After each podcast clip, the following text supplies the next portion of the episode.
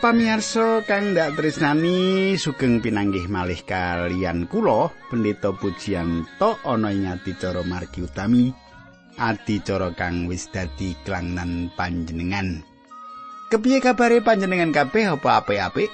Panjenengan wis nyawisake wektu kanggo aku ana ing ngarepe radio iki. Mengkono pandung aku kanggo panjenengan kabeh supaya panjenengan tansah binerkahan dening Gusti kang murping jaket. Nah katangku sugeng midhangetake adi cara iki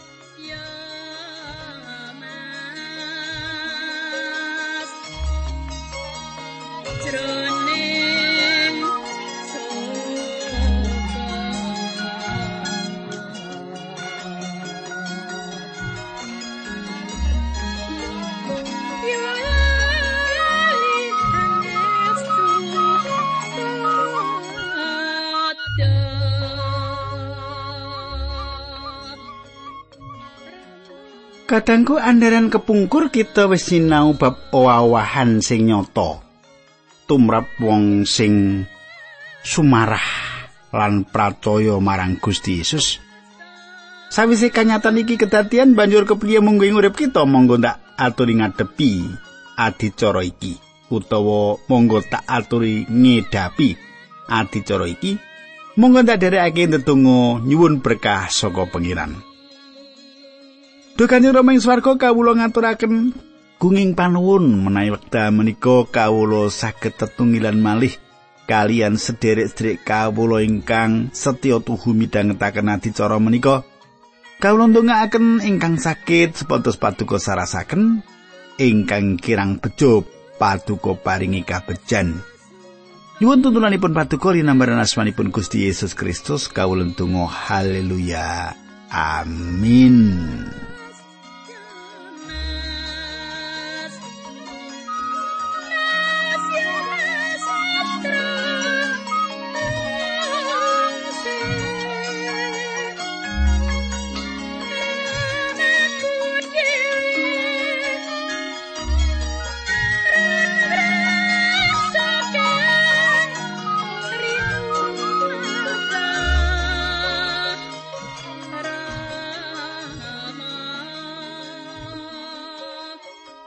Para pamirsa saiki kita ngancik ing buku Kaimaman pasal 15 yen kena diarani pasal iki kaya dene kaca pangilon marang kita manungsa.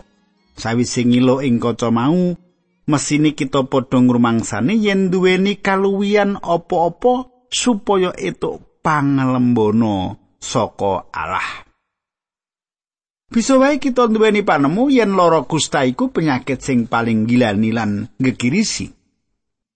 Nanging penyakit iki ora bisa nular yen ora kanthi kalelean anai.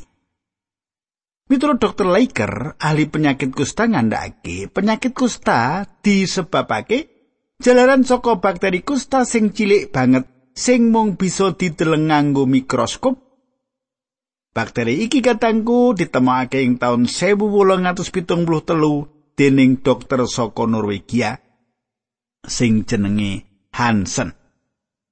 Mula penyakit kusta uga kena diarani penyakit Hansen. Bakteri iki nemplek ing kulite manungsa sing lara mau nganti cacahe akeh banget bisa tekan yutan.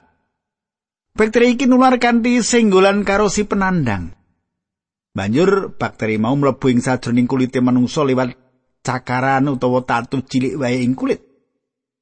Nule ing kulite manungsa mau tangkar tumangkar kanthi cepet. Ya wong sing wis kena lara lepra iki sing bisa nularake marang wong liya. Wong sing ora duweni penyakit iki ora bisa nularake lara lepra marang wong liyane. Kanggo njaga supaya ora ketaman kusta kudu resikan. Awak lan jero lan jabane omah kudu resik Sregepados umbah-umbah karep ben sandangane tetep resik ngepel omah lan sak panunggalani. Bakteri iki bisa larut banyu utawa banyu sabun. Sing kudu waspada aja nganti sesinggulan karo wong sing kena penyakit kusta. Bakteri ini ora bisa ditularake jalaran kewan-kewan cilik utawa lewat hawa, nanging bisa uga ngliwati cara liyane. Nganggo srimut sandangan lan prabotane liyane ora mbebayani nanging kabeh kudu wis dikumbah kanthi resik temenan. Dikumbah nganggo sabun digaringake nganti 24 jam. Lan diguyang nganggo banyu panas utawa banyu umup ora perlu wedi karo lara kusta iki sauger panjenengan lan aku nindakake pancegahan sacukupe penyakit kusta ora bisa didelikake nganti wektu sing suwe penyakit iki ketoke alon-alon nemeni nanging mesti bakal katon ing lumahe kulit sing nandang loro iki nggambarake dosa sing ora kanthi ditindakake dening menungsa mung kawatesing ati lan pikiran wae. Saiki panjenengan semak purwaning dumadi bab 6 ayat 5. Bareng Gusti Allah pirsa gedhening durakane menungsa ing bumi lan saobah ing atining selawase ala wae. Mula Rasul Paulus nulis ing layang Rom ngene. Rom 7 ayat 12. Aku ngakoni yen aku iki manungsa ora kadunungan apa-apa sing becik Senajan aku kepengin nindakake sing becik nanging aku ora bisa nglakoni. Kadangku komentar-komentar bab dosane ana sing tau kondo. Kaluputan sing bisa ditindakake manungsa mung kaluputan sing bisa ditindakake iku manet wong sing jenenge Goethe. Banjur meneh ana wong kondo saben wong mesti padha ngerti wewadine dhewe sing ora bisa diceritakake senadan marang bojone dhewe sing ditresnani kuwi manut Samuel Johnson saiki manut manut Shakespeare kondo mlebu ing dadamu nuli takono marang atimu apa sing kok ngerteni banjur seneka kondo ngene seneka ing Kanada Kenapa manungsa ora gelem ngakoni kadurjanani jalaran durung disingkirake saka uripe? Mung sing wis nglenggono sing bisa nyritakake pangimpene. Opah piweweng dosa bisa ngowahi kekuatane manungsa tumrap sang saya akeh kelahiran ing jagat iki. Manungsa bisa ngasilake manungsa sing padha karo pribadine. yaiku manungsa dosa. Sumbere manungsa wis kalepetan dosa. Kanthi mengkono kanthi cara getok tular manungsa dosa ndadekake manungsa liyane dadi dosa. Getok tular dosa iki bisa sarana piranti seksuale manungsa. Jalaran atine wis rusak, banjur nuwake cara-cara dosa kanggo ngumbar hawa nepsu seksuale manungsa. Daud nguwuh-nguwuh ing Mazmur 51 ayat 9. Kawula mugi paduka resi saking jejembering dosa kawula srana hisab. Mugi paduka atusi supados dados petak nglangkungi salju. 51 ayat 12. Doalah mugi kersa nitahaken manah ingkang suci wonten ing kawula. Saha batos kawula mugi paduka enggalaken srana kaparingan roh ingkang mantep. Kadangku dosa sosial, dosa seksual, penyakit seksual wis anjrah kanthi cepet ing ngendi Tumangkare dosa kaya-kaya ora bisa dindekaki. Si dosa ngrampok katentremane atine manungsa ing sajrone kawilujengan sing wis diparingake dening Gusti Yesus. Rada aneh yen Gusti Allah ngersakake ngurusi dosa jember sing jijiki iku marang manungsa. Nanging Allah ngersakake beber pernik-pernike dosa kanthi janggep supaya manungsa bisa ndeleng dosa kanthi jangkep uga lan supaya ora dipaeka dening dosa mau. Saiki ayo padha nyemak kaimamam 15 ayat 1 nganti telu. mangkene surasani Gusti Allah ndawake marang Musa lan Harun pernatan-pernatan kanggo bangsa Israel mangkene umbel sing metu saka planangan kuwi najis ya sing dlewer metu dhewe utawa sing kandhek ora bisa metu kuwi tetep najis Katanggu Gusti Allah dawuh marang Musa lan Harun Harun iku imam agung dadi gambarane imam agung kita Gusti Yesus Kristus Mung panjenengane Gusti kita Yesus Kristus sing bisa paring panglipur lan pitulungan marang wong sing nandang prihatin uripe. Sing bisa ngesokake katresnan lan paring siramat marang sing kasangsaya jalaran dosani. Imam Agung kita ora bisa kalepetan dosa kita, nanging panjenengane saged rentah welase jalaran kahanan kita sing popolan cintraka. jalaran panjenengane wis tau dicoba dening dosa kaya urip kita nanging ora bisa dumawahing dosa ing bagiane serat Ibrani pasal loro lan papat digambarake sangsarane dosa jijikake kotor ora duweni ati tetek lan tansah nglawan karep sing utama ya pancen kaya ngono watek wantune kita nalika isih dikuasani dening dosa Petenge dosa metu saka atine manungsa, tapi iku bisa dideleng ing tengahe pasrawungan pedinan kita. Saka kabar-kabar media, koran, televisi, radio lan liyane. Malah ngati kita uga bisa kita rasakake kekuatane dosa sing terus duweni kepinginan sing ala. Ya saka atine manungsa iki sumbere dosa. Saben manungsa padha dene nyumbang daya kanggo dosa. Ya dosa-dosa iki ngremuk uripe manungsa. Jalaran dosa kaya tali sing naleni wong siji lan sijine, kaya-kaya saben wong wis kajiret lan nuruti pakarti dosa liyani. Apa sing ana jroning atine manungsa yaiku sing dipikir, ditindakake lan diucapake. Yen ana wong sing khotbah iku ngutbahake uripe dhewe, apa sing dipikir lan sing dipingini sara rohani? urip iki dhewe dadi sawijine khotbah marang liyan ya to lan mesti bakal duweni daya pengaruh marang liyan mbuh sing ala mbuh sing apik bener ora patrap kita tindak tanduk kita iku dadi khotbah kita khotbah marang wong liya manungsa rusak jalaran dosa senajan wis dadi percaya lan urip anyar daya kedagingan isih bisa ngeret atine manungsa iki ngendikane Gusti Yesus. Matius 15 ayat 18 nganti 20 mengkene surasane. Nanging apa sing metu saka ing cangkeme wong kuwi asale saka ing atine ya kuwi sing gawe jembering wong. Awit ya saka ing ati kuwi asale pikiran-pikiran sing ala sing marakake wong mematani, laku jino, cabul, ngerampok, ngapusi lan mitenah. Perkara-perkara mangkono kuwi sing gawe jembering wong.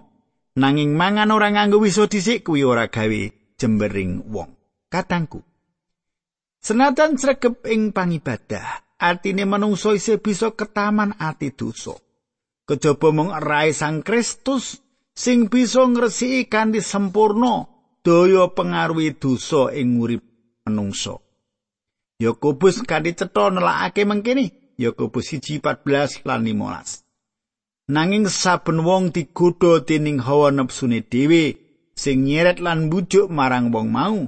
Lan yen hawa nepsu kuwi dituruti banjur njalari dosa. Dene yen dosa wis dilakoni oleh-olehane pati. Katangku, Rasul Paulus nggambarake enteke pangarep-arepe manungsa marang dirine pribadi. Rom pitu ayat 18. Aku ngakoni yen aku iki manungsa ora kadunungan apa-apa sing becik. Senadyan aku kepengin nindakake sing becik nanging aku ora bisa nglakoni. Kadangku katon utawa ora katon. Tatune dosa sing ngetokake dlewerane pakarti ala iku ana ing uripe manungsa sapa wae.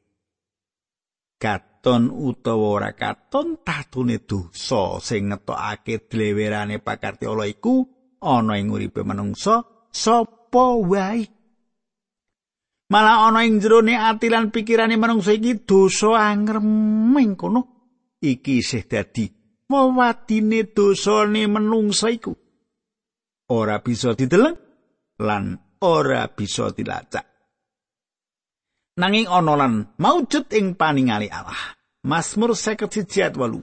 Saestu ingkang paduka kersakaken menika katemenan ingkang terus sing batos lan paduka paring seserepan dateng kawula ing salebeting manah. Kadangku, kudune bagian ayat iki mau njurung kita dadi andhap asor ing ngarsane Allah. Iki sing dikandhake Daud ing Mazmur 51 kang mangkene surasani. Enggen kawula damel dosa menika dumateng paduka. Inggih dumateng paduka piyambak. Kawula nglampahi ingkang awon ing paningal paduka. Putusan paduka menika pancen leres lan paukuman paduka menika mila adil. Katangku wis bola-bali Allah ndawuhake yen dosane manungsa wis nglewati ukurane takerane kadurakan. Wis kekebakan. Ing Yeskel pasal 16 ayat siji telu, siji tekan telu, dikandhakake kanthi gamblang yen bangsa Israel ora duweni daya tarik lan kabecikan. Jijiki lan ora pokro mengkono nganti sak anak turuni. Coba panjenengan semak Yesaya 59 ayat loro. Nanging marga saka dosa-dosamu panjenengane ora miyarsake kowe. Dosa-dosamu kuwi dadi singgetan ing antarane Allahmu lan kowe. Sarta dosamu sing ndadekake panjenengane ngali-ngalingi wedanane mula ora miyasake semangsa kowe padha ngabekti ana ing ngarsane. Saiki coba balik nyang imaman bab 15 ayat 4 diteruske nganti teko 8 mengkene surasani Peturan sing dilungguhi utawa diturani wong mau uga dadi najis. Sapa sing gepok wonge, ngepok peturone utawa lungguh ing kono utawa kena idune kudu ngumbah sandangane lan kudu adus sarta dadi najis tekan surup. Katangku apa wae sing kedleweran nanah utawa dilungguhi dening wong lepra kusta. Lan kadleweran nanah utawa iluning lepra iku mau dianggep najis. Pancen alam rehatinake para mati. Hukum lan aturan sing diparingake nrambai nganti tekan bab-bab sing dianggep sepele. Malah ing wancine turu kabeh umate diri mati dening Allah. Nanging akeh wong sing padha nglakoni dosa nalika ing wayah bengi kanthi nuruti nepsu sing mekantar-kantar. Amri uripe tansah katuntun dening Allah Senajan ing wayah wengi tetepo kabuka atine kanggo panuntune Allah. Allah ngersake nuntun kagungane ing sabarang lakune. Saiki coba panjenengan semak Filipi papat ayat 8. Wusana para sedulurku padha mikira perkara-perkara sing becik lan sing pantes dialem. Ya kuwi perkara-perkara sing nyata, sing luhur, sing bener, sing suci, sing endah lan sing kajen. katengku. Allah ketarik pagesengan panjenengan. Ketarik senajan nalika ngaso, nalika lelaku, nalika lungguan, nalika lagi padha imbar rembukan karo wong liya, malah panjenengane Allah. Ketarik apa sing panjenengan rembuk? Allah uga ketarik yen panjenengan lagi bisnis, lagi nindakake kegiatan sosial, kabeh Allah ketarik marang panjenengan lan apa sing panjenengan tindakake. Kabeh nggon kita sesrawung nindakake bakti sosial, pasrawungan lan liya-liyane. Ora ana sing ora kalepetan ing dosa. Mula pengaku dosa kita marang Allah iku perlu kita tindakake saben wektu. Kaya uripe wong kusta sing saben wektu dleweran nanah utawa ilu saka tatune penyakit mau. Luwe-luwe dosa sing ora konangan liyan Allah kepengin mitulungi manungsa supaya bisa kabirato. Saiki kita teruske ka Imaman 15 ayat 9 nganti 12. Mengkene surasane. Lapak lan kursi sing dilungguhi wong sing kaya ngono mau uga dadi najis. Sapa sing gepok utawa sing ngangkat marang sing mentas dilungguhi utawa digepok wong mau, mongko ora wisuh tangan kuwi najis tekan surup. wong kuwi kudu ngumbah sanengane lan adus sarta najis tekan surup.